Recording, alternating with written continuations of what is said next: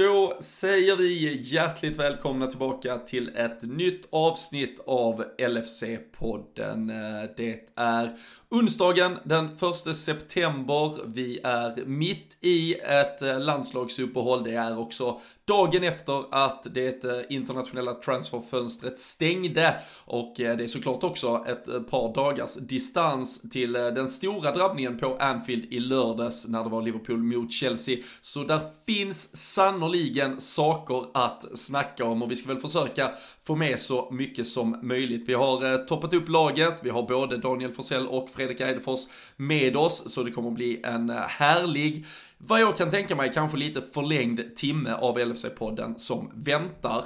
Vi eh, gör i vanlig ordning avsnittet tillsammans med LFC.se. De eh, höll ju oss eh, väldigt ajour och uppdaterade på allt som hände igår under deadline day. Och vill man nu följa landslagsspelarnas framfart medan de är iväg på respektive uppdrag så är ju det också en perfekt samlingssida där man får uppdateringar varje dag på allt som händer kring klubben och med alla spelare vi nu har utskickade på olika håll. Så har ni inte redan LFC.se som startsida, se till att eh, ja, klicka i den så att ni har den där och eh, fixa såklart också ett medlemskap. Det är ju nu bara några veckor kvar till den eh, stora Sverigeträffen i Stockholm den 18 september och Storträff Syd den 25 september. Det kan vara att det dyker upp ett par extra platser, då är det ju LFC.se man håller utkik på. Så in där och håll koll på grejerna. Men nu ska ni som vanligt sätta er till rätta och så ska ni lyssna in det senaste avsnittet av LFC-podden.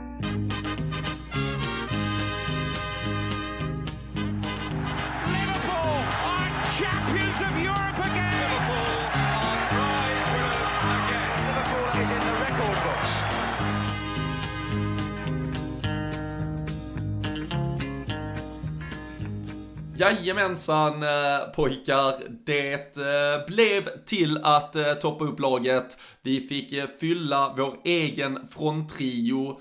Kanske i brist på att Liverpool inte riktigt har en fungerande anfallstrio, men det där är ett senare ämne för dagens podd. Men Fredrik Eidefors, hur är läget dagen efter den, ah, så nervösa deadline day? Ja, nej men det är klart att den var, den var nervös. Man satt ju verkligen och eh, jag kan säga, hoppas alla verkligen förstår min sarkasm här nu. Man satt och verkligen väntade på transferbomben. Den, den var ju liksom väntad på något sätt men så fick vi inte se den ändå och det känns ju förjävligt så här nu. Eh, nej men eh, det är Alltså jag tycker det är skönt att det är över på något Jag tycker att det, det, det läggs så mycket fokus bara på att köpa, köpa, köpa hela tiden och Det kanske bara är vi som, ursäkta mig Liverpool-supportrar som är vana med att inte ha en så här superhektisk dag eller avslutning eller egentligen ett fönster generellt som gör att man, man, man lägger inte så jättemycket fokus på det. Men eh, Det finns ju andra transfer som indirekt påverkar oss och, och runt omkring i ligan som, som kan vara värt att diskutera så att det kommer vi väl göra. Men eh, ja, skönt på något sätt kan jag säga personligen att det är över så vi slipper prata om transfers hela tiden för det, det börjar bli lite tröttsamt på något sätt. Ja, för fan. Jag fick upp, fick upp något så här, man kan ju få upp så här minnen på, på Facebook och då, då var det ju, ja men igår då så var det ju eh, såklart en, en årsdag sedan en tidigare eh, deadline day. Eh, tio år tidigare, sommaren 2011, då hade vi ju haft januarifönstret 2011 där det var Torres som skulle ut och Suarez och Carroll, alltså det var ju, det var ju sån jäkla hype det januarifönstret. Och jag tror många supportrar då kände, det var där man började bygga upp det här med att deadline day är dagen för de stora affärerna. Eh, sen och det känns ju som det bara blivit liksom mindre och mindre och mindre och framförallt ur ett Liverpool-perspektiv. Men då hade jag lagt upp någonting på, på Facebook om, eh, jag tror vi hade över 10 000 alltså följare, live-följare på LFC.se som satt och var med i liksom live-chatten för Liverpool bara och eh, vet inte om det var på den tiden jag lovade bort eh, Gonzalo Higuain i någon bombform och, och lite annat men eh, det, det, har ju varit mer hypade deadline days än gårdagens Danne kan man väl lugnt konstatera i alla fall. Ja verkligen året därpå så, så var ju vi på Melwood och höll utkik Det var inte så Exakt. många bilar som, som rullade in den gången heller Men Nej vi Du och jag satt ju på liven bland annat inför Chelsea här och, och tänkte att eh, nu, nu väntar vi till onsdag Men med facit i hand som man brukar säga så kanske ett, ett eh, måndagsavsnitt hade gett en bättre hype kring just fönstret i och med att då hade vi ändå kunnat leva på lite hopp i alla fall. Nu eh, blev det ju, jag vet inte om man hade väntat sig någonting så jag vet inte om antiklimax är rätt ord att, att välja men eh, som du säger de senaste, alltså vi har inte många deadline days som eh, som verkligen har blivit någonting stort av ur ett Liverpool-perspektiv då. Det kan vara intressant såklart att följa ändå men Nej det känns väl som att eh, Det är för en gångs skull också Alltså det, det, det har väl alltid varit kanske lite gnäll av en, en liten del om man säger så för att man inte värvar men jag tycker ju ändå att nu känns det som att liksom den, den breda massan är nästan är eh, lite på krigsstigen mm. över att FSG har hållit igen på pengarna här. Men för, är, är det så bara att säga, har, har vi sen dess som du nämnde Robin, 2011, det var ju som vi säger den stora grejen. Det har ju inte gett, varit egentligen någonting stort så, men har, har vi missat någon någon, någon liten sån händelse som hänt de senaste åren som inte kanske kan komma på direkt nu men Det hade varit, alltså jag tänker på Alex Teixeira exempelvis som typ var klar för Liverpool och så blev det ingenting ändå. Var det, kommer ni ihåg om det var i slutet Nej, eller var det liksom inget, sånt var, inget sånt var deadline day alltså. Sen, Nej det var inte deadline day. Det är, och sen tror jag om det är, el, är det 11, nej för det måste vara lite sen, typ 12 kanske på sommaren som Raul Meireles går till Chelsea. Eller är det 11? Ja, för det är en deadline day-övergång vet jag i alla fall. Uh, som, som man blev lite besviken över då i, i ett Liverpool. Mm. Men annars är det inte många... Joe Cole gick till Lill på sitt lån, tror jag var på deadline day liksom. Alltså, Fy fan vilken dyster dag det var. Vilka, vilka deadline days vi har haft, eh, Joe Cole till Lill bland annat. Nej men det var, det levde ju ändå på, alltså man fick den där januari uh, deadline dayn, 11. Uh, och då hade vi ju lite haft, uh, på hösten 2010 hade man haft den här live, uh, alltså jag vet att vi satt mycket livefolk och följde hela det här övertagandet från FSG och liksom alltså mm. hur man stod utanför rättssalarna och såg till så att rätt papper åkte in på, på rätt hyllor och så vidare liksom. Så det var ju en, en känsla av att man hade mycket sånt i bagaget, och mycket hände verkligen sista timmen. Det var liksom häftigt att, att följa liksom Sky-rapporterna liksom från live utanför händelsernas centrum. Och sen försökte man ju, tänkte man liksom både fyra och fem och sex gånger så att det här måste vi ju, det händer väl kanske igen. Men nu, alltså nu har man ju bara checkat ut. Och vi kan väl slå ner liksom den sista stenen i, i att det skulle bli en lugn dag för Liverpool. Det var ju när Liverpool vid typ klockan 10 tiden kommunicerade att Jordan Henderson har skrivit nytt kontrakt. Och därmed så kan vi tänka bara på det idag och glömma alla andra tankar kring vad ni supportrar eventuellt drömmer om. Ja, man kan försöka i alla fall. om, man, om man som klubb vill, eh, vill tro att man eh, ger sina supportrar exakt vad de vill ha. Men jag tror inte att det räckte för de flesta faktiskt. Även om det såklart är en, eh, en fin nyhet i sig. Men vi kan ju... Ja, man kan väl stanna lite kring det med och se hur...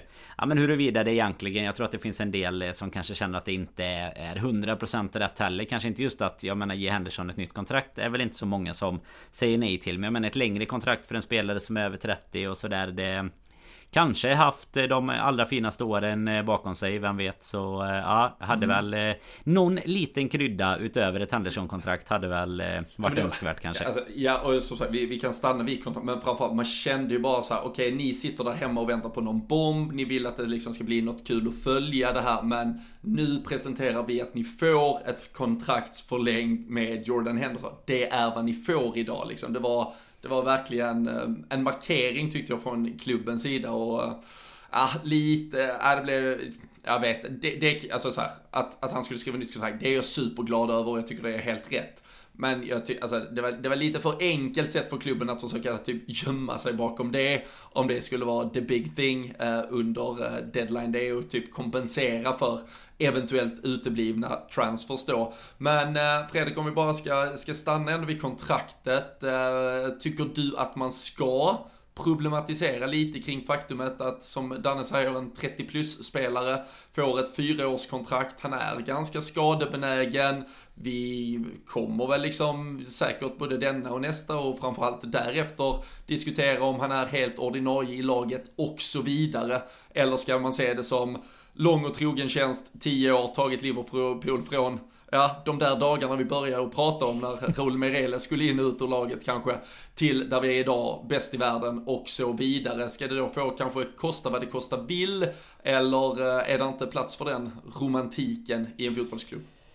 Alltså, uppenbarligen har ju ägarna eh, med tanke på hur mycket, eh, ja, nu har jag inte exakta siffror, men de spelarna som har skrivit nya kontrakt nu under de senaste veckorna. Det, det, det, är ju några lönehöjningar om vi säger så. Det är ju rätt mycket pengar som ska betalas ut under diverse år och eh, så uppenbarligen finns ju de pengarna att kunna lägga även på spelare som som du nämner nu då som kanske inte är en startspelare om två, tre år. Vi vet ju fortfarande inte det med Henderson. Jag tror ju och hade väl hoppats, även om jag älskar Jordan Henderson så Fabinho är väl egentligen den enda som jag tycker är skriven av alla mittfältare de, om, om två, tre år egentligen. Det är öppet nästan för förslag att se vem som ska vara där. Men i det här fallet tycker jag nog det är en kapten som står för så mycket vid sidan om. Som är också vi märker det, eh, de matcherna vi har haft problem när han väl kommer tillbaka. Det, det sker någonting och jag tror ändå att man ska rida lite på den vågen fortfarande och se lite vad man kan göra utöver det. Men Nej, jag, jag, tycker att, att det är helt rätt ändå att förlänga men jag vet inte, fyra år. Det är klart han, han vill väl ha sin försäkran också i slutändan och vara kvar i Liverpool, kanske sluta karriären, vad vet jag. Men eh, jag, jag, kan bara inte tänka mig, när jag kommer ihåg senast, som en klubb verkligen eh, satsat så här mycket, mycket på kort tid på just och förlänga kontrakt. Det jag vet inte om ni kan göra det men det är helt sjukt vad klubben har liksom satsat hårt ändå får vi ändå säga.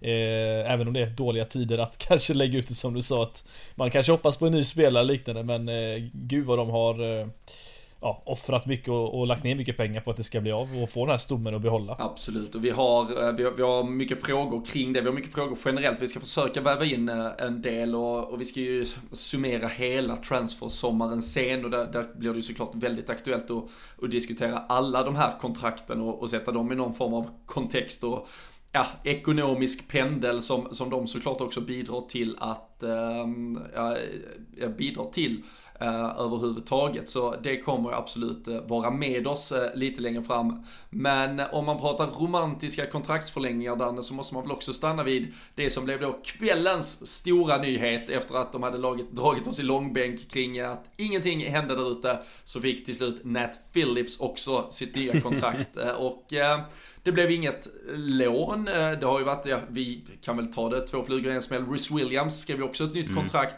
men gick ju på lån. Det har vi ju sett väldigt mycket, framförallt yngre spelare, göra tidigare. Nat Phillips, det är ju problemet med Young Nat Phillips, att han är ju inte ung. Han är ju 24 år gammal och eh, vi har väl försökt sälja honom hela sommaren, tyder väl egentligen alla rapporter på.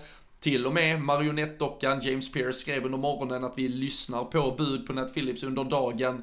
Men eh, till slut så fick vi väl, jag vet inte, någon form av liksom krypa till korset och för att inte riskera att att bli av med honom väldigt billigt längre fram är ju egentligen den enda alltså, rationella tanken kring det. Så skriver vi ett, ett långt kontrakt och hoppas att någon kommer in för honom längre fram helt enkelt. För det är ytterligare fyra år för honom. Totalt, när det kontraktet går ut, kan han ha gjort nio säsonger i Liverpool och spelat typ tio matcher.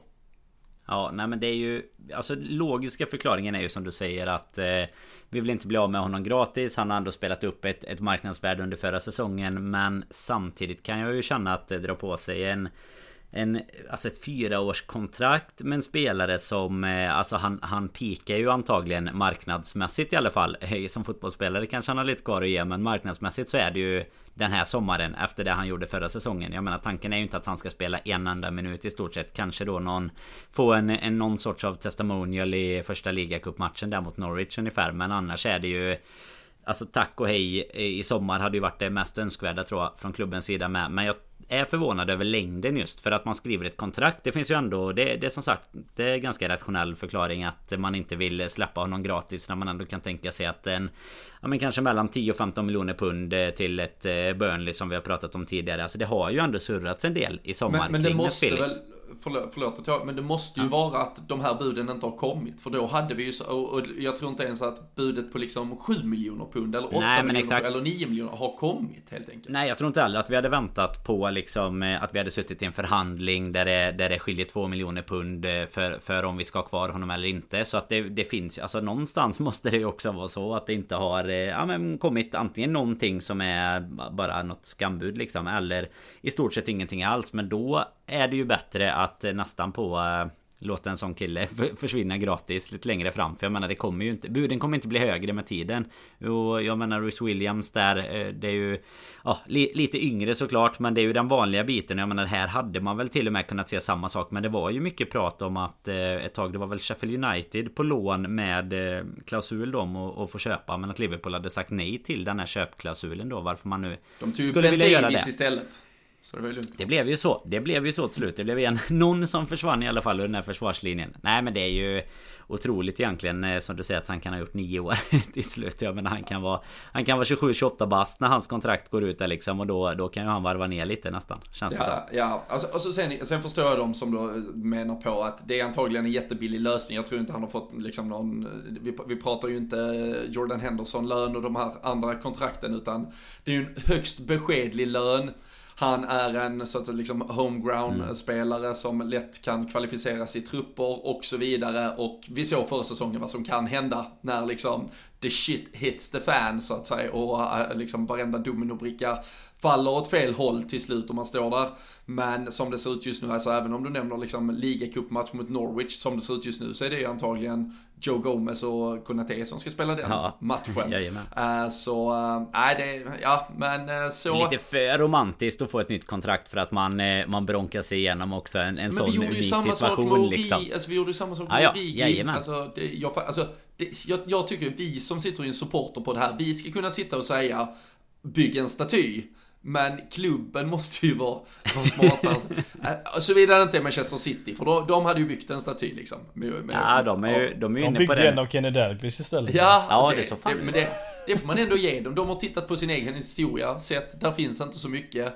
Har vi någon stor, viktig, historisk fotbollsspelare från vårt närområde vi kan lyfta upp istället? Så det, det, det är bland det finare City har gjort ändå, Fredrik.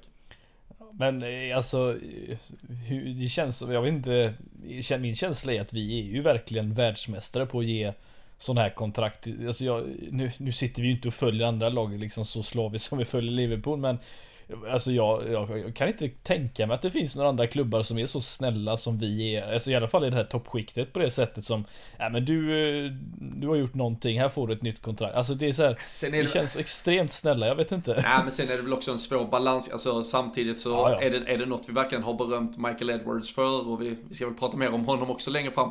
Så är det just att vi har fått betalt för Alltså dödkött, uh, förstår man rätt, och uh, med all respekt för de här fotbollsspelarna. Men uh, där är ju många andra klubbar, ett Arsenal till exempel, så liksom, om man pratar kontraktstruktur och hur man hanterar det så är det ju klubbar som har bedrivits klart mycket värre än oss. Sen håller jag ändå med om mm. den här just att ge det så jävla lång tid, men at the end of det får du till slut då 10-12 miljoner pund för en Harry Wilson eller något skit liksom så ja, då har det ju varit värt det. Men som supporter så blir man jävligt trött på att se samma. Jag tror, det är inte liksom hela sanningen kring det, men, men jag tror lite det är nästan av den anledningen man vill ha in ett nytt ansikte. Alltså på samma sätt som man inte vill se, man vill inte se Harry Wilson göra varenda försäsong i laget. Man, man vill ha in något nytt ibland. Det tror jag bara är liksom reptilhjärnan som supporter.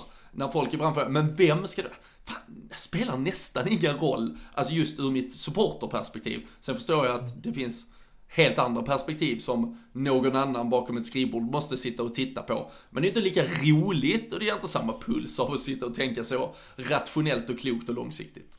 Görs inga poddar över rationellt tänkande. Det är ju så här, det är, det, är det här som är roligt att, att lyssna på. När Robin kallar folk för dödkött, det gillar vi. Det är helt rätt. Ja. Det är, men det, svåra, men det svåra i den här situationen tycker jag med alltså, Det är ju just så här Origin att Philip som inte kommer att spela någonting. Jag menar lånar du ut spelare så har de i alla fall någon sorts chans att eh, Ja men bi, alltså bibehålla delvis öka sitt, sitt värde och även då alltså att den klubben som lånar in dem eh, Ja skulle kunna vara intresserad av att ta över dem. Jag menar Kolla på Sepp van den Berg som är ny skyttekung liksom i, i Preston. Så att det, det går ju ibland och, Har du han i ditt Championship fantasy-lag Danne? Såklart, såklart, triple captain varje vecka Nej men alltså jag menar det, det, är ju det som blir det konstiga i detta För jag menar det blir ju inte Alltså jag, jag, tror också det som du är inne på där Robin. Visst vi ger dem kontrakt för att vi någonstans ska kunna kräma ut den lilla extra kronan den dagen de försvinner Men jag menar Origi sitter ju ändå Alltså jämför man med Nat Phillips Han är ju ändå en spelare som ja, men sitter på en lite högre lön om man säger så. Alltså inte, inte heller några Salah-nivåer men ändå tillräckligt för att vi skulle kunna få in Som du ser ett nytt ansikte egentligen då eh, Mot något som vi som, som, vi kan tacka och Bygga en staty av och sen skicka vidare egentligen då. Så eh, nej lite speciellt. Sen tycker jag också lite Vi pratade om det. Vi, vi kommer väl kanske till kontrakten någon mer gång här men just det här att du sa ju det Fredrik att det är stort. Vi har gjort mycket det här. Alltså många nya kontraktsförlängningar. Det blir ekonomiskt sett så blir det såklart en viss utgift på att lönerna och sådär går upp. Men man kan ju också då kan jag tycka i andra ändan kanske ifrågasätta lite varför har vi så många nyckelspelare vars kontrakt faktiskt är på väg ut inom relativt snar framtid. För nästan alla de som vi har förlängt med eller framförallt alla de som som verkligen är mycket, Alltså pusselbitar som, som vi verkligen bygger laget kring. De har ju haft kontrakt som är på väg ut här kanske om ett eller två år. Och det är ju kanske egentligen inte heller en hållbar situation. Även om man någon gång måste göra det så behöver man ju faktiskt inte förnya Alltså 7-8 kontrakt under en och samma sommar Utan det, det får man väl ge nästan något ja, Tänker man ett steg längre blir det något litet underbetyg till att man har låtit det gå hela den vägen Jo, liksom. sen är väl problemet lite att alla bra spelare som har kommit till Liverpool de senaste 15 åren kommer ju typ 16, 17, 18 liksom Absolut, alla har ju kommit samtidigt, så ja. är det ju men uh, nej, vi, vi återkommer säkert till det. Uh, deadline day som koncept kan vi väl packa ner åtminstone. Man känner när klockan var jag tror de var 23.05, jag tittade sista gången och kände, nej fan, det, det är bara att släcka ögonen och uh, det kommer en dag imorgon också och eh, man vaknar ju, ja det var Cheji Odjos lån som väl hade blivit officiellt sista timmen där innan man eh, kunde vakna upp och gå vidare i livet. Så, äh, inte jättehändelserikt men desto mer fart var det på Anfield i lördags Fredrik. Det var Chelsea, det var ett fullsatt Anfield. Man kände för första jag och Danne satt i, i liven här och snackade i, i lördags när vi snackade upp matchen att man verkligen kände pulsen. Eh, vi tre snackade lite på, på morgonen liksom att man, man verkligen känner hur det pumpar för första gången på länge.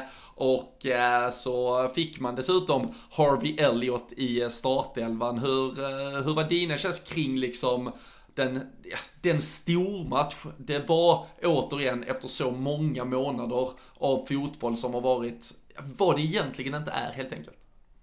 Ja, nej, men alltså det är en sån här match på Anfield, det, det är ju det, eh, det, det är det som man sitter och väntar på. Alltså det gör ju sån extremt stor skillnad när det är Chelsea på andra sidan istället för ett Burnley till exempel, det är ju nu, det känns som att vi alltid klankar på Burnley i den här podden för övrigt. Det är alltid kul att göra Jag tycker vi kan ha det som stående. det är ändå jävligt enkelt. stående, en, en gång per avsnitt. Burnley och det är Burnley varje vecka. ja, nej men eh, alltså just att eh, i en sån här match, just som du nämner där med Elliot, alltså tycker det är fascinerande att, att eh, det är han som går först till att börja med och jag är glad för det också. Men i en sån här match så känner jag också mot, mot ett Chelsea att det är, det är känslorna som ska ta över på något sätt. Att fansen är där, det, det spelar liksom ingen roll nästan vem som spelar. Ungefär som i ett derby på något sätt. Att eh, när vi har fansen då spelar det liksom ingen roll vilka som är på planen. Det vet vi att Barcelona fick äta upp ganska ordentligt när vi inte ens hade våran fronttrio på plan. Till och med Origi spelade och det det är ju sånt som Anfield kan göra men det var ju en helt annan känsla att se fotboll igen alltså det är ju Ja det är, och så, och så solen som sken sådär vackert och så liksom sent på kvällen det är, det är någonting alldeles extra även om jag föredrar The Floodlights On när det är verkligen en Champions League-kväll den, den, typen av mörker är ju lite godare mm. på så sätt men äh, det var en god känsla helt och hållet men äh, Ja, fascinerande bara att Klopp faktiskt väljer att starta Elliot. Det måste du säga helt och hållet vad han tycker om honom. Ja, ja men verkligen. Och, och du och Jordan, vi hann ju ta emot det lite snabbt uh, i den uh, liven och jag, jag kände, jag blev bara skittaggad av det. Men jag tänkte på, det kan ni båda två tänka lite kring, men det var ju ändå en situation nu där både faktiskt Oxlade, med all respekt, eh, Keita och Thiago sitter på bänken istället. Och, och jag har suttit och resonerat, alltså jag är, jag är så här, jag är team Harvey Elliott, jag tycker det är fantastiskt att han spelar. Men jag kan inte riktigt bestämma mig om det säger mest om honom som talang, att han ändå startar den här matchen. Eller om det säger mer om de där tre, så, alltså framförallt en, en Thiago som liksom kommer som en ja, hyllad världsstjärna och Bayern München och hela Champions Leagues bästa mittfältare. Men när vi går in i tredje matchen för säsongen, i hans andra säsong när han bör vara på plats och verkligen vara, vara redo för den här typen av matcher, så väljer man Harvey Elliott istället för honom. Uh, hur, hur, har, har, ni hunnit, har ni tänkt något kring det och landar ni i någonting? Nej men alltså är han, om han är fullt redo om man säger så Om det inte är något som mörkas med, med fitnessen så är det ju katastrof för hans del såklart. Eller liksom det, det måste man ju ändå säga. Jag har precis samma tanke. Jag har bara egentligen utgått ifrån att det är någonting som gör att han inte är fullt redo.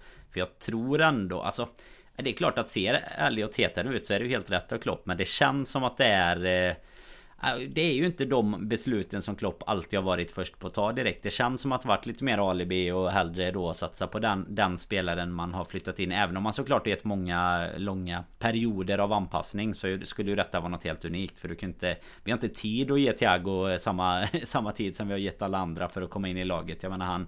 Vi, det, när vi äntligen värvar någon på sin eh, peak liksom så kan man ju fasen ge sig på att de inte ska...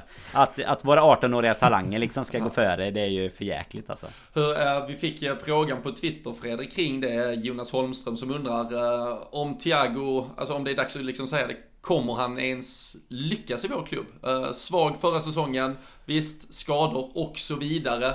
Det här är Jonas ord, men eh, jag kan väl skriva under på det mesta. Samtidigt som han då var stundtals bäst i världen, liksom när han var på Bayern Münchens mittfält. Alltså, hans, slutet av förra säsongen var han ju tillsammans med, med Trent och, och Salah och någon mer liksom Nat Phillips. De sista, ja precis. Nej men de, de som verkligen eh, stack ut och, och, var liksom bärande i klubbens liksom Om, om ja, hur vi vände på skeppet så att säga i det sjunkande skepp som det ändå var. Eh, Så det, jag tycker ändå inte att man att att, att det är ett problem så, men det, det är ju som Danne säger att, att, att han, jag tror att det är en fitnessgrej när det handlar om honom. När det gäller Keita Oxlade, alltså Oxlade är ju för dålig, det vet vi bara, så är det ju bara.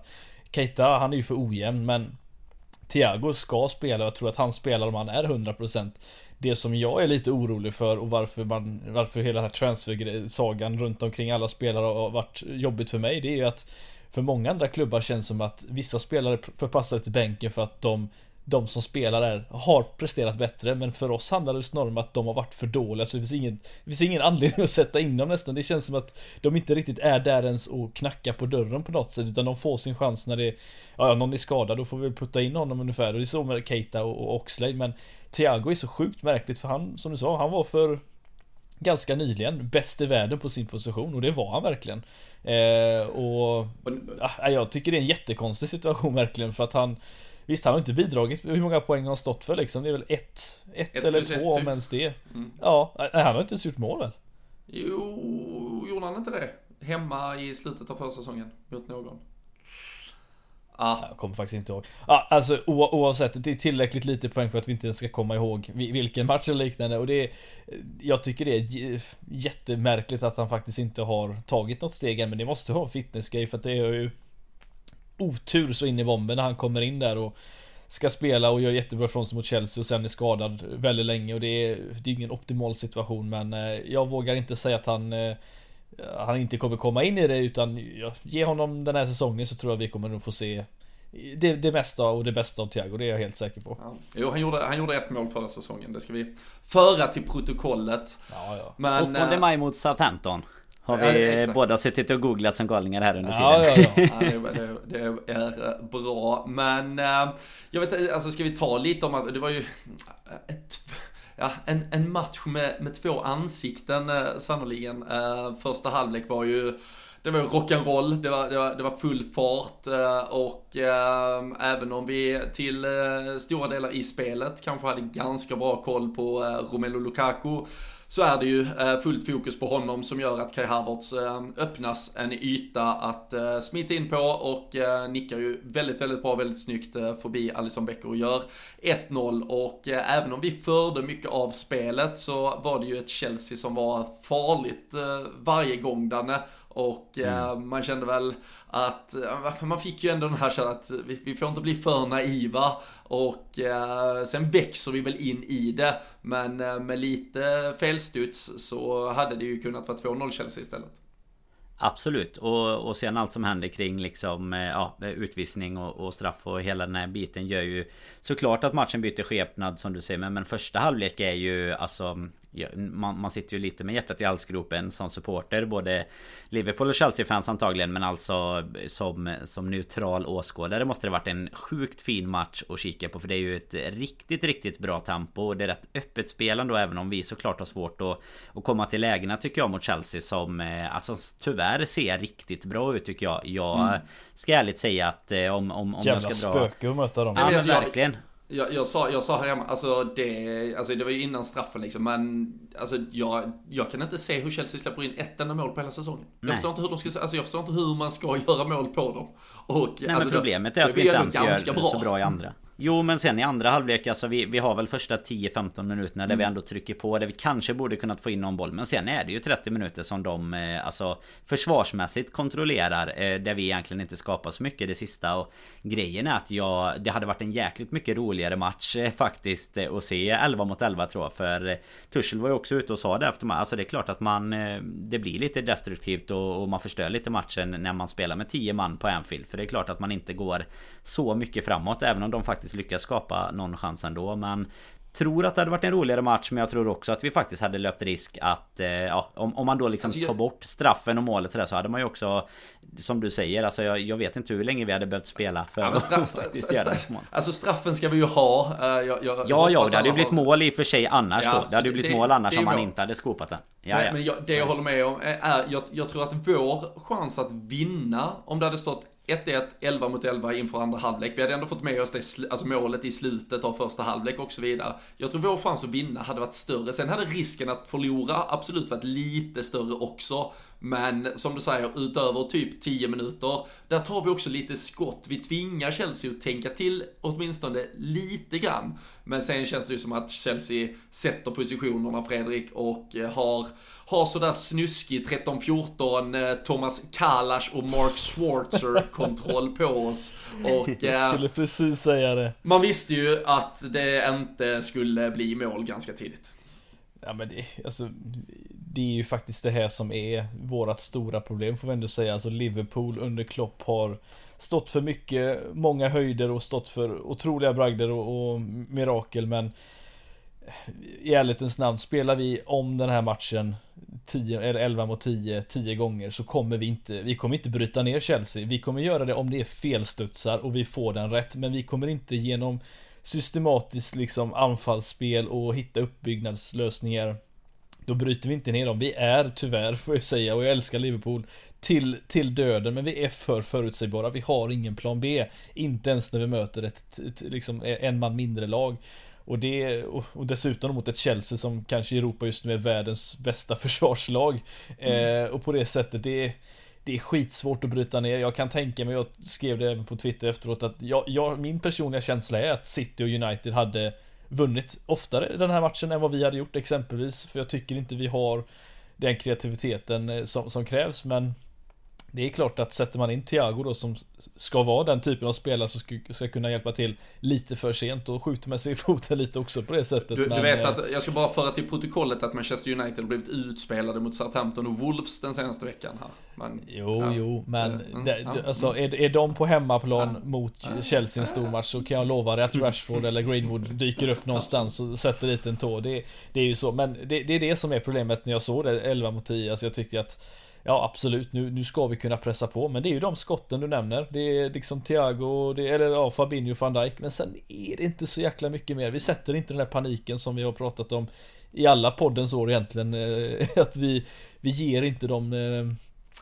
Några stora problem. Och det, är ja Nej, nej jag, håller, eh, jag håller ju helt och hållet med och vi har ju fått väldigt mycket frågor på, på området eh, från våra kära lyssnare som i regel följer oss på eh, Twitter, framförallt LFC-podden. Där gör man inte det så är det väl ett tips så gott som något. Men Linde är inne på det, det här med alternativen offensivt. Han hade gärna sett att vi hade en spelare med lite storlek. han nämner en spelare som Vlahovic till exempel lite kul att, eh, på, på ämnet egentligen, att Taiwo Avoniji går som jävla bulldozer i Union Berlin mm. borta i Tyskland. Uh, kanske inte att han hade varit rätt man för jobbet ändå, men uh, vad känner du där? Alltså är det Tidigare pratade vi lite om det här, vi måste ha den här Coutinho-spelaren, vi måste ha den som låser upp försvaren och så vidare. Men har vi inte kommit till en plats där vi liksom, Harvey Elliot har ju en jättefin fot och Thiago har jättefina alltså är vi inte på liksom bulldozer-nivå egentligen? Att, att det är det som behövs för att klara det? Alltså, våra, våra ytterbackar är ju Coutinho i grund och botten. Mm. Alltså de står för så extremt mycket, framförallt Trent och jag vet att vi fick en fråga om det just hans nya nya position i situationstecken i anfallsspel och liknande och det tycker jag ändå vi har fått utnyttjat väldigt mycket. Så jag håller med. Jag, alltså jag har länge önskat en, en, typ av spelare som kan Ja men alltså det är ju bara att säga som det är. Lukaku vin, hade inte han varit i sin storlek så är han en ganska medelmåttig fotbollsspelare tyvärr. Det är ju det som Han är ju, bygger ju väldigt mycket på sin styrka och snabbhet och det finns ju många spelare men du ser ju Haaland vad han vinner mycket på att vara sin storlek och, och hela den biten och Vlahovic exempelvis som nämndes här, det är ju en sån spelare som hade gått in i ett Premier League-lag i toppskiktet och, och, och öst in mål på grund av just sin styrka och storlek och vi har en sån spelare som heter Divock Origi som skulle kunna göra det men han är väl kanske den svagaste spelaren av alla i anfallstrio eller anfallsuppsättningen också när det kommer till verkligen han utnyttjar inte sin styrka på det sättet. Jota är ju för fan starkare än vad han är. Men vet vad? Eh, och han är liksom en halv meter kortare. vet, vet, du vad jag, vet vad jag inser nu, medan du berättar allt detta? Ja. Nu faller ju brickorna på plats. Det är ju av denna anledningen vi skrev fyra nya år med Nat Phillips och så har han fått en instruktionsvideo på Steven Carkers inhopp i Liverpool tror jag. Mot Norwich 4-5. Ja. Eh, ja men det är väl ändå, det måste, ja, det, det måste ju ändå vara alltså bara en sån här plan B. Ja men bara en plan B att ha typ en, en Giroud-gubbe liksom. Det är ju den klassiska man kan tänka på inhoppare. Ja. Alltså du, du pratar ju ändå Haaland och Lukaku som ändå hade varit spelare som Som mycket väl knackat på startelv-plats liksom. Men jag menar ha en gubbe som du bara säger Alltså det funkar inte. Det är låst. Vi behöver bara en En target att sätta bollarna på egentligen. Alltså som Alltså när det inte fungerar i vårt vanliga spel. För det gör ju också lite som, som ni var inne på med att vi tar skott och sådär i början på halvleken. Det gör ju faktiskt att motståndarna någon gång också behöver Tänka en gång extra utöver att veta att precis vad man är Sala Eller Firmino slash Jota och beroende på vem som spelar ska göra. För att alltså bara att kunna Kunna ställa lite lite andra frågor till eh, backlinjen än att vi ska bryta in från kanten. Det, det krävs ibland tror jag. Och eh, Alltså bara det, det behöver inte vara så jävla fint alltid. Det är väl det som man kan känna är problemet ibland. Ja, alltså, samtidigt är det ju det, alltså nu ska vi inte jämföra med ett, ett Manchester City i spelmässigt, men om du kollar på, alltså är du bara tillräckligt om du har en extra liten nyckel av kreativitet så kan du även som ett sånt lag, de har inte heller jättemycket storlek där fram, de är väl nästan mindre än vad vi är eh, Spelarmässigt på det sättet, och de kan alltså hitta nycklar, så jag tror fortfarande det är en, en, en att, att vi har för lite nya idéer. Alltså det, det är där liksom skon brister lite skulle jag säga.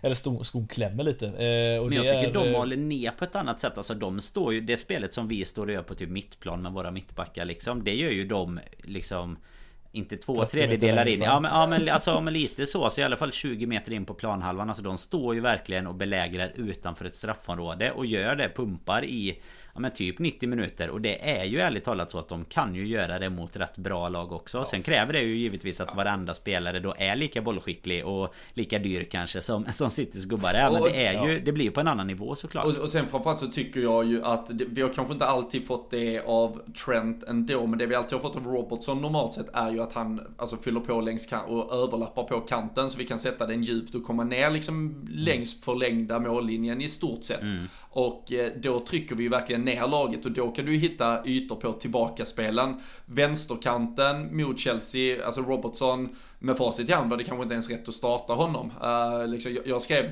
halvt seriöst och halvt på skämt liksom in med greken sista tio och när det faktiskt är bytet vi gör så känner man lite att, äh, det, är alltså att det är alternativet för att få fart på laget, att byta vänsterback nu.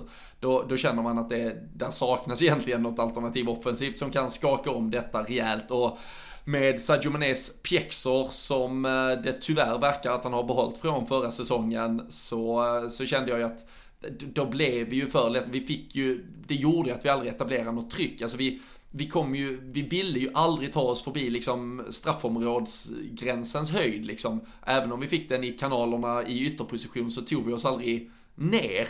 Så det blev ju väldigt, väldigt bekvämt för Chelsea att typ stå i höjd med sin straffpunkt och ja, men, ha full koll på allt vi gjorde egentligen och ha ja, nio gubbar ungefär i alla fall bakom bollen och så var det väl Lukaku som kunde ligga kvar och fiska runt mittcirkeln typ. Mm. Nej absolut. Ja, och, det, och tyvärr är ju de tillräckligt bra på för att skapa lite på det. Alltså det var ju några, det var väl två gånger eller någonting som Lukaku faktiskt får bollen där helt ensam. Men lyckas ändå tack, hålla den tillräckligt tack, för. Och, ja, men, ja men faktiskt alltså det, det ska man ju också eh, säga. Alltså några gånger bryter vi den. Men jag menar några gånger lyckas han ju också hålla hålla tillräcklig koll för att de ska kunna flytta upp lite och faktiskt skapa något halvläge och det är ju också lite så här det, det, blir man ju bara förbannad när det ska behöva hända När det är vi som egentligen borde ha en taktpinne som eh, ja, men slår lite snabbare än vad, vad den gjorde tycker jag sista, sista halvtimme i alla fall mm. Men det man kanske ska ta ifrån den här matchen egentligen som jag tror vi alla kanske kan skriva på här det är ju att, att kryssa hemma mot Chelsea är ju absolut i, i deras eh, hur, de, hur bra de är och framförallt då att vi kanske fortfarande håller på att försöka hitta våran eh, våran form ordentligt på det sättet. Även om vi har vunnit de första så, men hittat ett annat, ett, en bra kvalitet på spelet så är det ju snarare att man känner när man är en man med, mer mot Chelsea att vi inte utnyttjar det och går full pott. Exempel, det är ju det som kanske stör mig mer och det är ju på grund av att vi som sagt inte kanske hade extra alternativ att sätta in men som sagt, vi får inte in en Minamin och det finns ingenting och, och det finns ju alternativ att sätta in men ja, Klopp anser väl att det inte är rätt att få in de spelarna utan ytterback är mer viktigt att byta som du säger Robin och då vi, ja, vi, det, det, är väl det som ja, frustrerar lite. Ja men vi, vi, ska väl röra oss kanske lite mot eh, någon, någon form av eh, totalsummering av eh, transfersommaren också sådär eller den nästan icke existerande men, men på ämnet ändå. Vi hade en fråga från Magnus Roth där kring Klopps coaching och eh, han sätter framförallt då eh, Sadio Mané under lupp. Eh, nu hade vi ju gjort bytet, eh, Firmino out, Diogo Jota in. Vi, vi återkommer väl lite kring eh, Firmino senare, men Ja, jag vet inte, som Magnus skriver där att eh, diskutera gärna Klopps coaching. Hade det varit jag som var avbytare och då i en offensiv position och sett Mané spela på sättet som han gör, då hade jag blivit galen. Ehm, du var inne på det innan Fredrik, det här med att eh, om våra avbytare helt enkelt är för svaga eller om spelarna som startar är tillräckligt bra, vice versa, hur man exakt ska väga in det. Men här kan man väl säga, sitter man med en, ja men, bara en United-trupp och har en uh, Greenwood eller något annat på bänken, då gör man ju såklart bytet väldigt mycket tidigare på Sadio Mané. Ja, ja, herregud, alltså det, de, det är ju just för att vi, vi har för lite kvalitet bakom som gör att de inte byts ut när de är dåliga. så det, det är ju sanningen tyvärr och det i ett annat universum kanske Minamino hade bytts in där på kanten och gjort ett bättre jobb. Ja, det, det, vet man liksom inte men just nu så känns det som att Klopp baserar ju bara de här på att det är just Sadio Mané och det finns någon form av briljans i honom. Även om han inte visat det hittills så, så kan han ju faktiskt blixtra till men man kan ju från ganska långt håll se att idag är det inte en dag för Sadio Mané och det, det märker man ganska snabbt exempelvis men och att det inte finns ett alternativ det är ju det som, som, som är lite frustrerande för Ska vi vara uppe och, och slåss nu mot de här lagen den här säsongen som känns där Det känns som att det är ännu fler lag som Kommer vara och slåss om titeln då, då behöver vi ju ha alternativ för För att vi ska vara med där 100% då måste ju allt rulla, eh, falla på plats den här säsongen och ja, det är, det är för mycket att hoppas på det. Man kan, man kan inte förlita sig på det heller. Nej, vi, Men, eh, redan ja. i, vi är redan i en situation där vi inte riktigt vet hur länge Roberto Firmino är, är borta. Nej, och då, en, ny, en ny Thiago. Nej, och då är vi nere, då är vi nere på, på tre anfallare som, som Klopp har mm. förtroende för. Och uh, händer någonting där då, ja, då, då, då, ska det börja grävas från en hylla som jag vet att han inte är så intresserad av. Så jag, jag kan ju bara hålla med uh, Magnus här uh, fullt att, uh, alltså, hans, att Klopp inte gör bytet, det, det, det vet jag väl någonstans. Jag, jag, sitter inte riktigt och väntar på det. Och, och jag kan inte heller säga att jag hade jag stått på de Kopp, jag inte hade stått och skrikit liksom in med mina mino för helvete gubbjävel. Men man känner ju ändå, alltså så det, det, är ju avsaknaden av alternativ så, som är problemet. Jag, jag vet ju att jag blir ju, även om jag kan vara förbannad på att Sadio Mané spelar 90 minuter i den formen, så vet jag att jag hade varit mer förbannad om typ Oxlade hade kommit in. Och det är som, mm. ja, så vi landar väl egentligen i att det, det är truppstrukturen som, som är problemet där. Och det fanns ju offensiva alternativ eh, som, som nämndes. Eh, Doku till exempel, eh, det var ju ett andra alternativ som fladdrade förbi i början. Um, någon jättekort reflektion och känsla kring det här, eh, Danne, du kan bara, att vi, att vi liksom ändå väljer det här. Är det för att Klopp har det där orubbliga förtroendet för den där fronttrion eller känns det som att vi, vi har letat men inte hittat eller att vi har inte tagit fram pengapåsen tillräckligt för att försöka agera?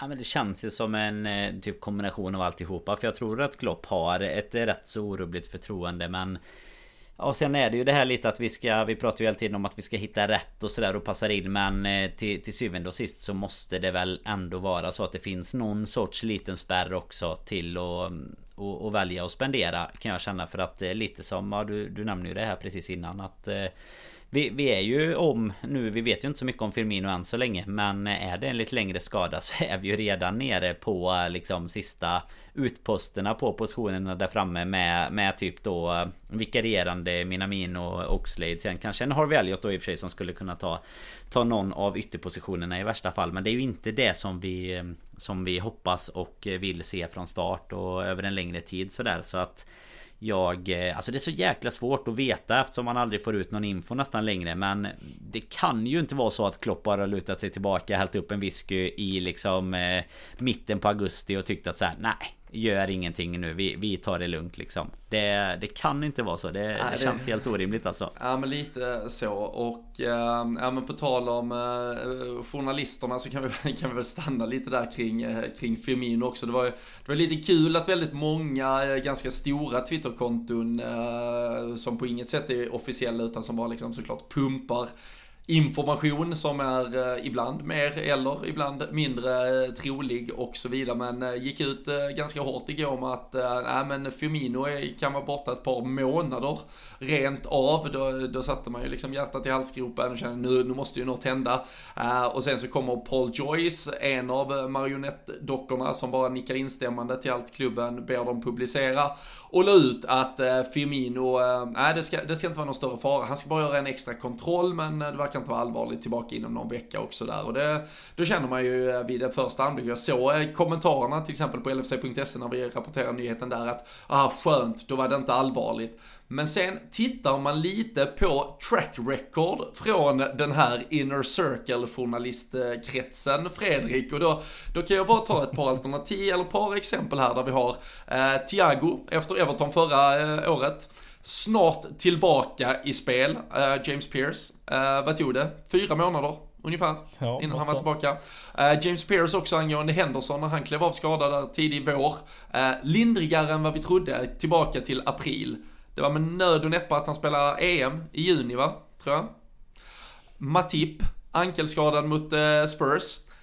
var inte alls så farlig heller. Han missade hela säsongen. Uh, och Oxlade, uh, det var ju ett par, vad blir det, två eller tre år sedan nu. Uh, inga skador på ligamentet i knät enligt Paul Joyce. han var väl borta ett år, ett och ett halvt ungefär. Så jag känner mig inte helt trygg med att Roberto Firmino är hel och frisk i detta nu känner jag. Jag hade velat ha levnadstecken från the man himself egentligen.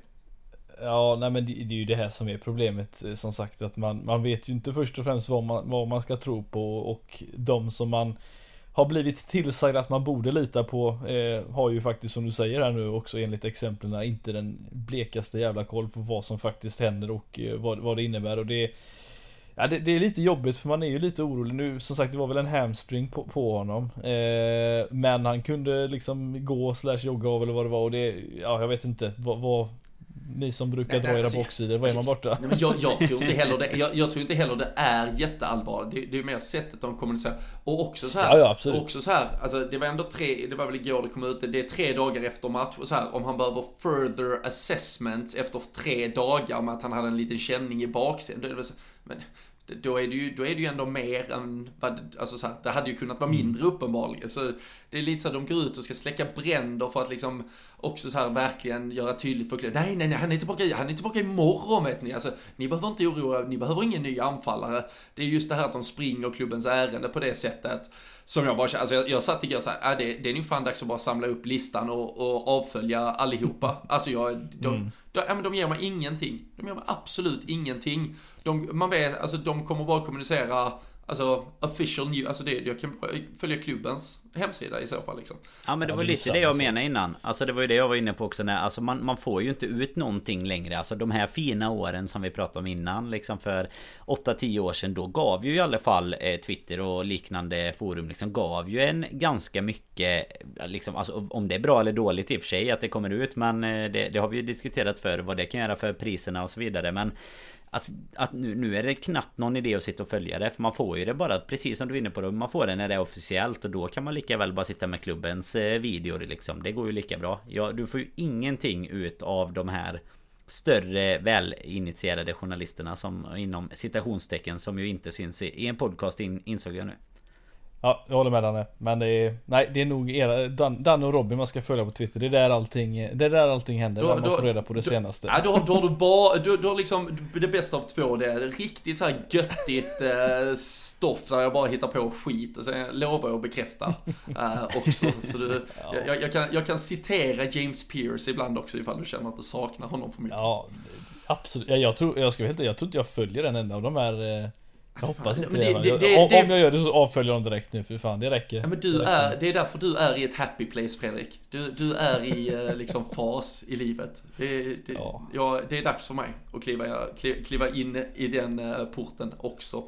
Så, um, nej. Äh, ska man kort, alltså ska man kort säga något om de här andra också som, alltså nu idag är det ju nästan de man följer i så fall. Det är ju de som har liksom kontakt mot agenter och, och sådär. Han Fabrizio Romano liksom. Men det är samtidigt då, kolla på Ronaldos övergång nu. Då är det så här. Ena dagen är det fullständigt snack om att okej okay, nu har han agreed terms with uh, City och så vidare. Och sen dagen efter ska han till United. Så menar, det är bara att inse att ingen har ju någon aning innan det är officiellt. Så det, det är väl egentligen bara så Robin. Du får, du får hitta ditt happy place här nu. Bara luta dig tillbaka nästa transferfönster och, och så hoppas hoppas att vi tar tre poäng i, i ja, matcherna istället helt ja, det, det, blir, det blir... Snart januari boys. Och, och alltså helt, alltså det, det ska ju inte vara olika för de olika länderna, men fy fan vad mycket skönare det var när man stängde transferfönstret innan ligan började. Ja.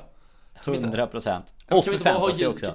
Alltså kan vi inte bara ha juli? Första juli till sista juli. Alltså ni har en månad på att lösa skiten. Alltså att vi har tre månader, lite drygt, och sen har vi en, alltså att ändå en tredjedel av året så kan du skeppa runt spelare. Nej. Sen är ju dessutom deadline Det är något så speciellt nu som vi pratade om innan. Det var ju liksom kanske där för tio år sedan eller något Och det blir ju bara mer hypat för varje år känns det som. Alltså inte just för oss har det inte varit det nu Men Det blir ju ändå alltså det är, det är ett långt fönster Och sen ska det ändå avslutas med någon typ av så här crescendo Där allt bara ska vara helt galet Och alla måste liksom skicka mail och faxa i sista minuten liksom. Det går inte att går absolut inte att förhandla någonting under hela augusti månad Utan absolut sista två minuterna Då ska det skickas liksom. Helt ja. otroligt egentligen Nej, ja, äh, verkligen. Och äh, när det ändå pratas om papper som äh, skickas fram och tillbaka, deadline day, transferfönster och så vidare, så måste vi väl ändå Uh, ta ner den nyhet som, um, och där ska man vara, ska man följa någon på uh, The Athletic framförallt så är det väl David Ornstein som, som har lite ingångar och lite koll på saker och ting och han har ju inte någon direkt uh, liksom, ja, nyckelkoppling till Liverpool på det sättet utan mer liksom en in the know på riktigt. Och ehm, han rapporterade, flera andra har följt med om att Michael Edwards eventuellt ser ut att göra sin sista säsong eller sista år i Liverpool. Har har ryktats tydligen vara intressant för Real Madrid för att stärka upp deras sportsliga ledning. Så det kanske blir Michael Edwards som ändå landar Kylian Mbappé, men till fel tröja nästa sommar. Vi får väl se mer om det. Men eh, transferfönstret som Edwards och gänget gör denna sommaren Fredrik, det är eh, Ibrahima Kunate in och eh, mer eller mindre, vi behöver inte gå in på varenda spelare som har lämnat, men Harry Wilson, Grujic, Gino Wijnaldum, Shakiri och nämnde då Awoniji ut eh, innan vi pratar om hela hans gärning utan att ta ut någon form av förlust här i förskott så eh, får vi väl lite kort bedöma vad han ändå har gjort med de medel som har funnits under sommaren.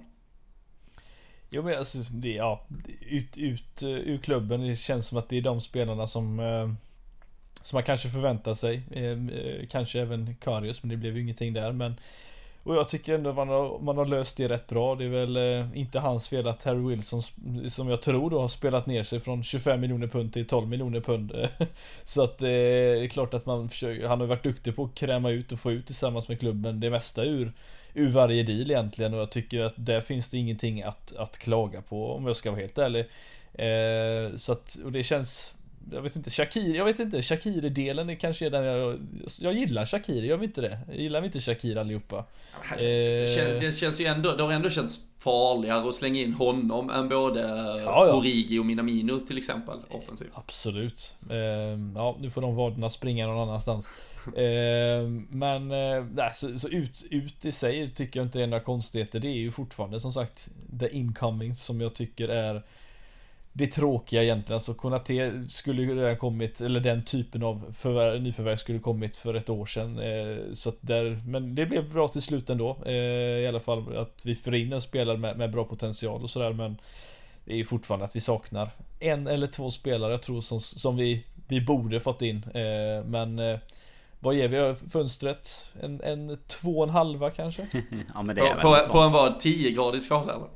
Nej, på fem. ja, absolut. Alltså jag, jag hade fan kunnat säga, jag trodde faktiskt att du menade en 10-gradig typ. Alltså jag, ja men det är ju såhär ut, nej men, nej men alltså på utfronten Alltså nu, nu glömmer man ju i och för sig nästan då Vi pratar ju konnoterade Nu glömmer man ju nästan att det var i, i detta fönstret För som vi sa innan det är så jävla långt liksom. Men mm. Jag menar annars visst det är bra att vi blir av med lite spelare som ändå inte ska, ska ha kvar Men Vet inte, alltså det blir Då tycker man ju nästan att vi kunde lika gärna som nu Du sa ju att vi gillar Shakiri så mycket. Jag känner ju att nu när vi ändå inte tog in någon Kunde vi lika gärna hållit honom till ja. Till vintern eller till nästa sommar Som att inte ha någon alls liksom. För jag ser ju hellre honom eh, Ja precis som ni säger än Oxlade och Med flera. Så äh, ja, vet i fasen jag, jag, jag säger 2,5 på en 10-gradig och du 2,5 på en 5 Men, men får bara säga Problemet är väl att Vi har ju tjänat i situationstecken så mycket på de spelarna som ändå gått ut eh, så Och vi fick väl Konate inte riktigt gratis va? Ja, men men vi, nästan, vi gör ungefär, ungefär. ett break-even fönster Vi, vi säger det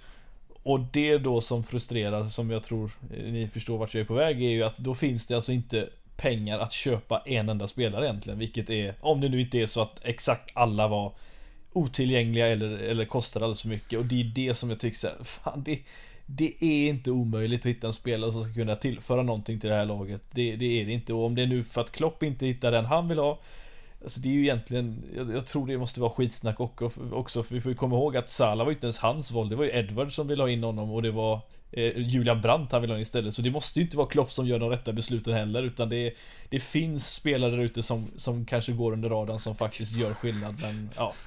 Fy fan vad deppigt om han hade gått i Julian Brandt-fällan där alltså. Sett Mohamed Salah flyga fram. Det är inte direkt Premier League målkung på honom direkt. Ja. Nej det är det inte. Men, men på, på området och på, på de delarna du är inne på Fredrik så, så har vi fått ett par olika frågor. Eh, Isak Fridström eh, var inne på det här liksom om det är så att vi kanske sparar för framtiden. Jag förstår var liksom glädjekalkylen och, och drömmarna är på väg Isak. Uh, sparar vi pengar till Mbappé Haaland värvning nästa sommar. Uh, och sen ju Alexander Olofsson inne på det som vi, vi nämnde tidigare att det kanske har varit så att vi, visst vi har då ett eh, ekonomiskt netto plus minus resultat i stort sett, så liksom break-even resultat, men att vi då istället har kunnat förlänga väldigt många kontrakt och att det eventuellt har varit någon form av kompromiss, alltså att den ekonomiska biten skulle portioneras ut i, ja men att, att det du gör ju avskrivning på ett kontrakt så liksom, jag orkar absolut inte göra den eh, fullständiga matematiska kalkylen på det. Men alla de här kontrakten motsvarar absolut säkerligen en 40 miljoner punds värvning som du gör en avskrivning på istället. Så det är väl lite det man måste, om man ändå vill ta mm. ett litet helikopterperspektiv på det här så måste man ju ta med det i beräkningarna. Och tro, vad, vad tror ni? Tror ni att vi bara säger, nej det, det är break-even som gäller på in och utfronten, that's it.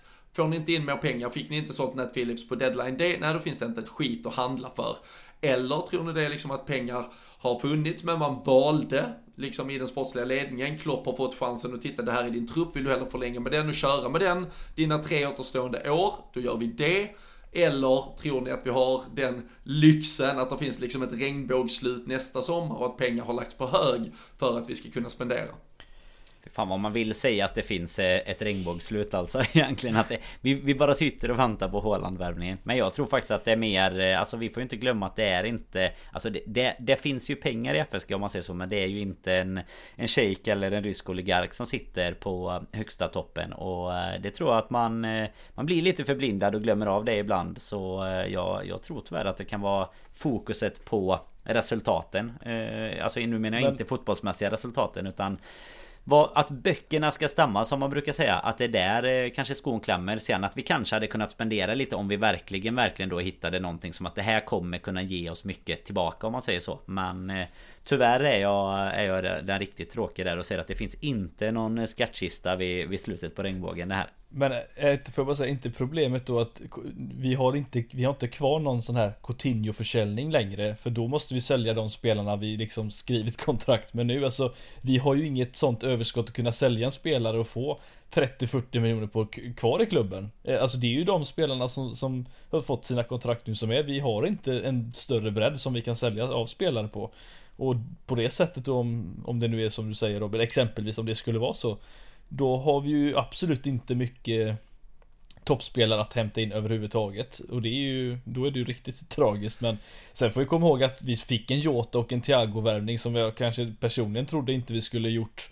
Och var, det var väl en 40, en, en 50-60 om man räknar de två tillsammans. Som också kom från ingenstans, kände, kände jag. Men Ja, jag vet inte, jag tror inte heller det är någon skattkista och problemet är väl att de här spelarna man i så fall skulle spara ihop till. De har ju redan skrivit kontrakt med andra storklubbar innan, mm. innan vi tar fram den pengapåsen i så fall. Ja, ja men lite så är det ju absolut. Det är ju intressant det du är inne på. Alltså när, när FSG kom in så var det ju liksom ett, ja, det var ju inte sannoliken turbulent tid för Liverpool. Vi var ju inget etablerat topplag, så, så ofta var det ju kanske en spelare som stack ut en säsong. Alltså vi, vi har eh, Suarez och Sterling och senare, ja, långt senare då Coutinho till exempel. Men då, då var det ju spelare som blev lite växt ur. Det har vi verkligen pratat om i den här podden, att spelare växte ur liksom Liverpool-kostymen innan hela klubben hann ikapp och då, då blev det ju en möjlighet att sälja dem och återinvestera.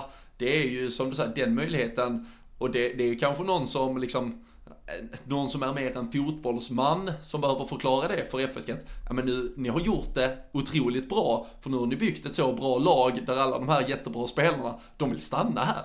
De, de, mm. de ska inte vidare. Och dessutom är de nu på en åldersnivå där ni inte kan riktigt sälja dem. Och ska ni bara sälja 22-åriga Rian Brewsters och hoppas på att Michael Edwards trollar med pengarna så kommer det ändå inte räcka för att handla från den hyllan som ni behöver handla från för att förstärka det här laget. Så, så tror man att man kan snurra något break-even resultat samtidigt som man liksom uh, ligger kvar med en trupp på, på absolut världsnivå.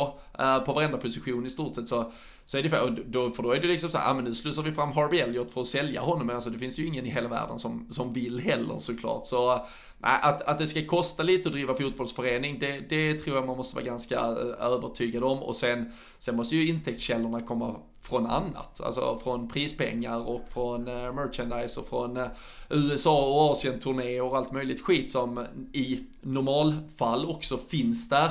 Och det här känns det ju framförallt som att hela coronasituationen kanske har liksom fått FSG att vara än mer försiktiga. Eh, det, det, har ju absolut inte varit välkänt att vara liksom några netspend splashers, men eh, de har ju verkligen varit än mer försiktiga ändå, framförallt de här som bara har rotat i, i eh, guldbyxorna, där det gäller då Manchester City, ja, Chelsea och PSG framförallt och, och sen ett Manchester United som egentligen har lagt pengar på, alltså de, de kan ju spendera och man kan ju sannoliken säga saker om deras ägare.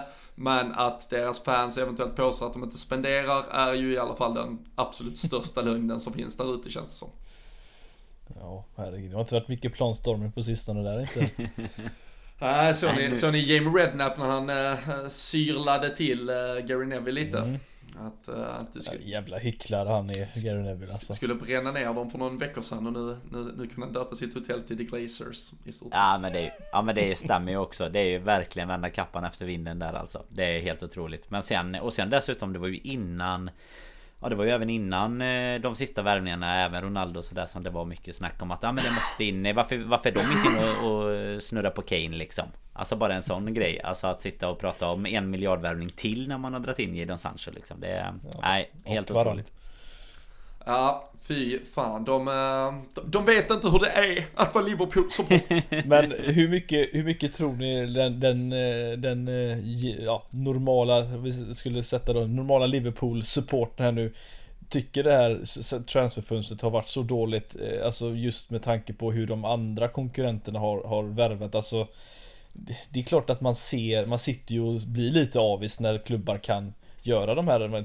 alltså inköpen på de här stora pengarna. Det, det, det är klart, det, det, bidrar ju lite till när man inte gör någonting alls att det blir extra mm. tråkigt att sitta och kolla vid sidan om då. Men ja, och det är väl det som kanske är jobbigt att de andra kan göra det och vi inte kan. Det, ja, det, det påverkar ju såklart.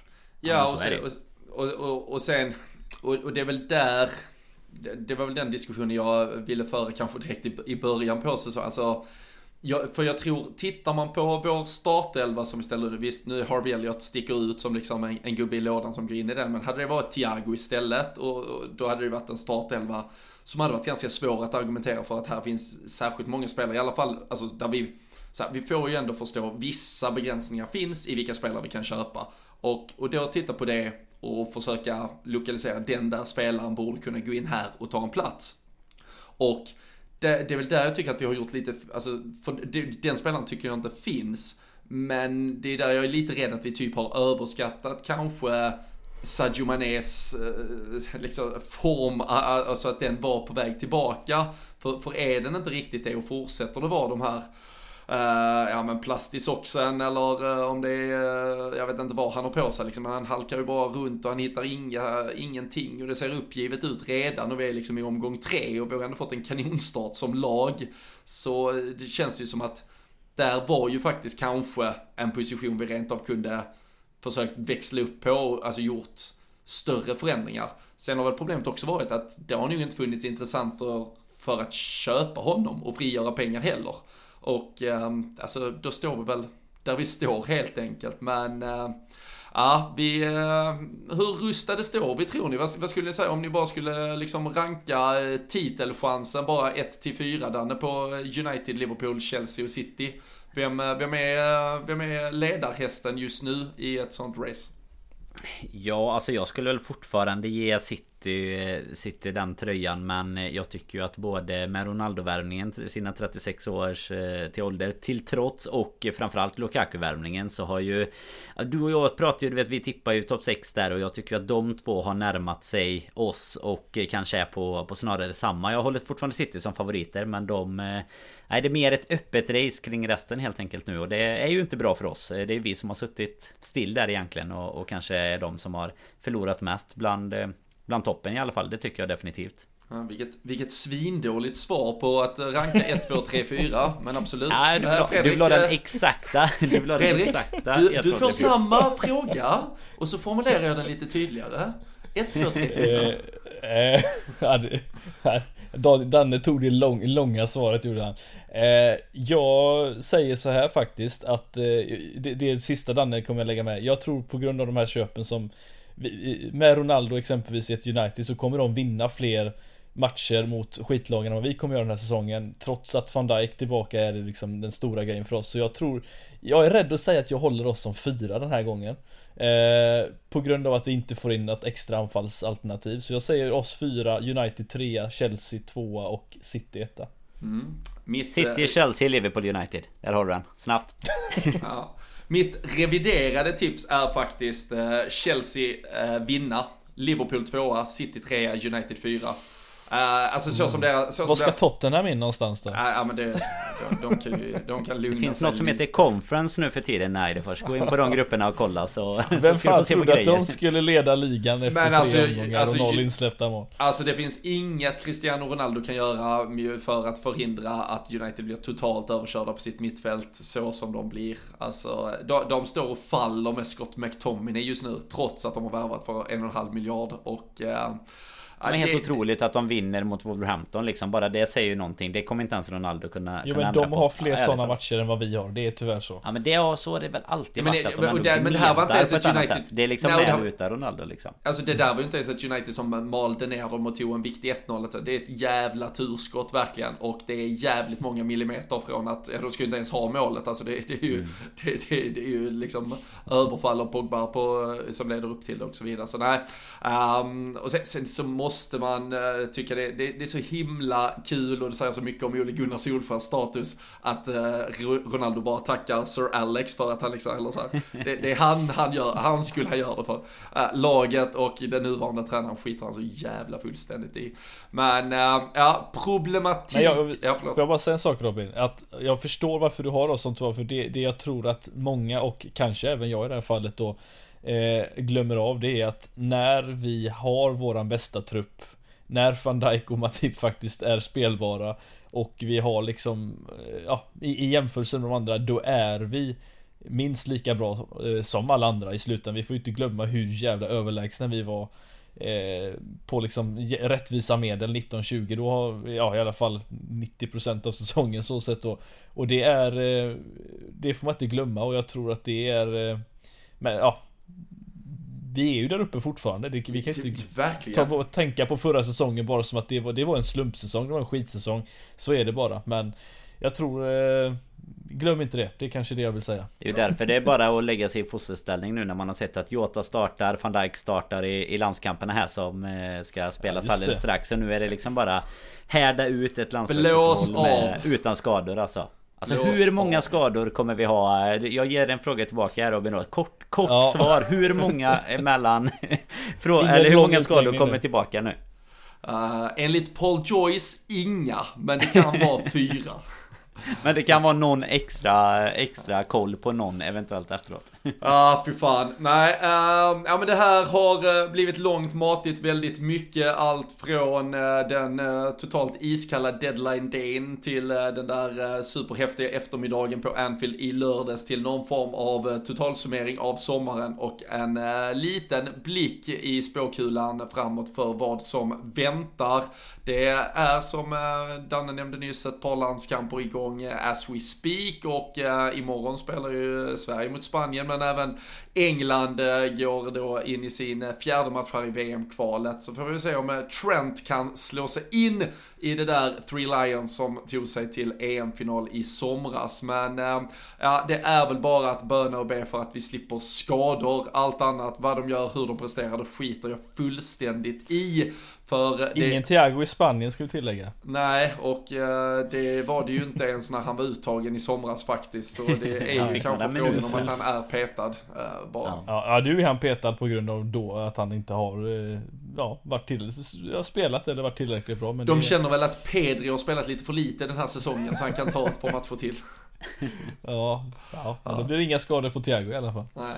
Det finns ju uppenbarligen redan har vi sagt nu Eidefors. Det är inget ja. det, det, är våran eh, kista vid regnbågens slut. Det är att Thiago i alla fall har fitnessproblem. Så snart kommer han in i den fina formen. han, han drar väl en hamstring när han ska böja sig och knyta skorna eller något. Ja, en Canizares. Ja.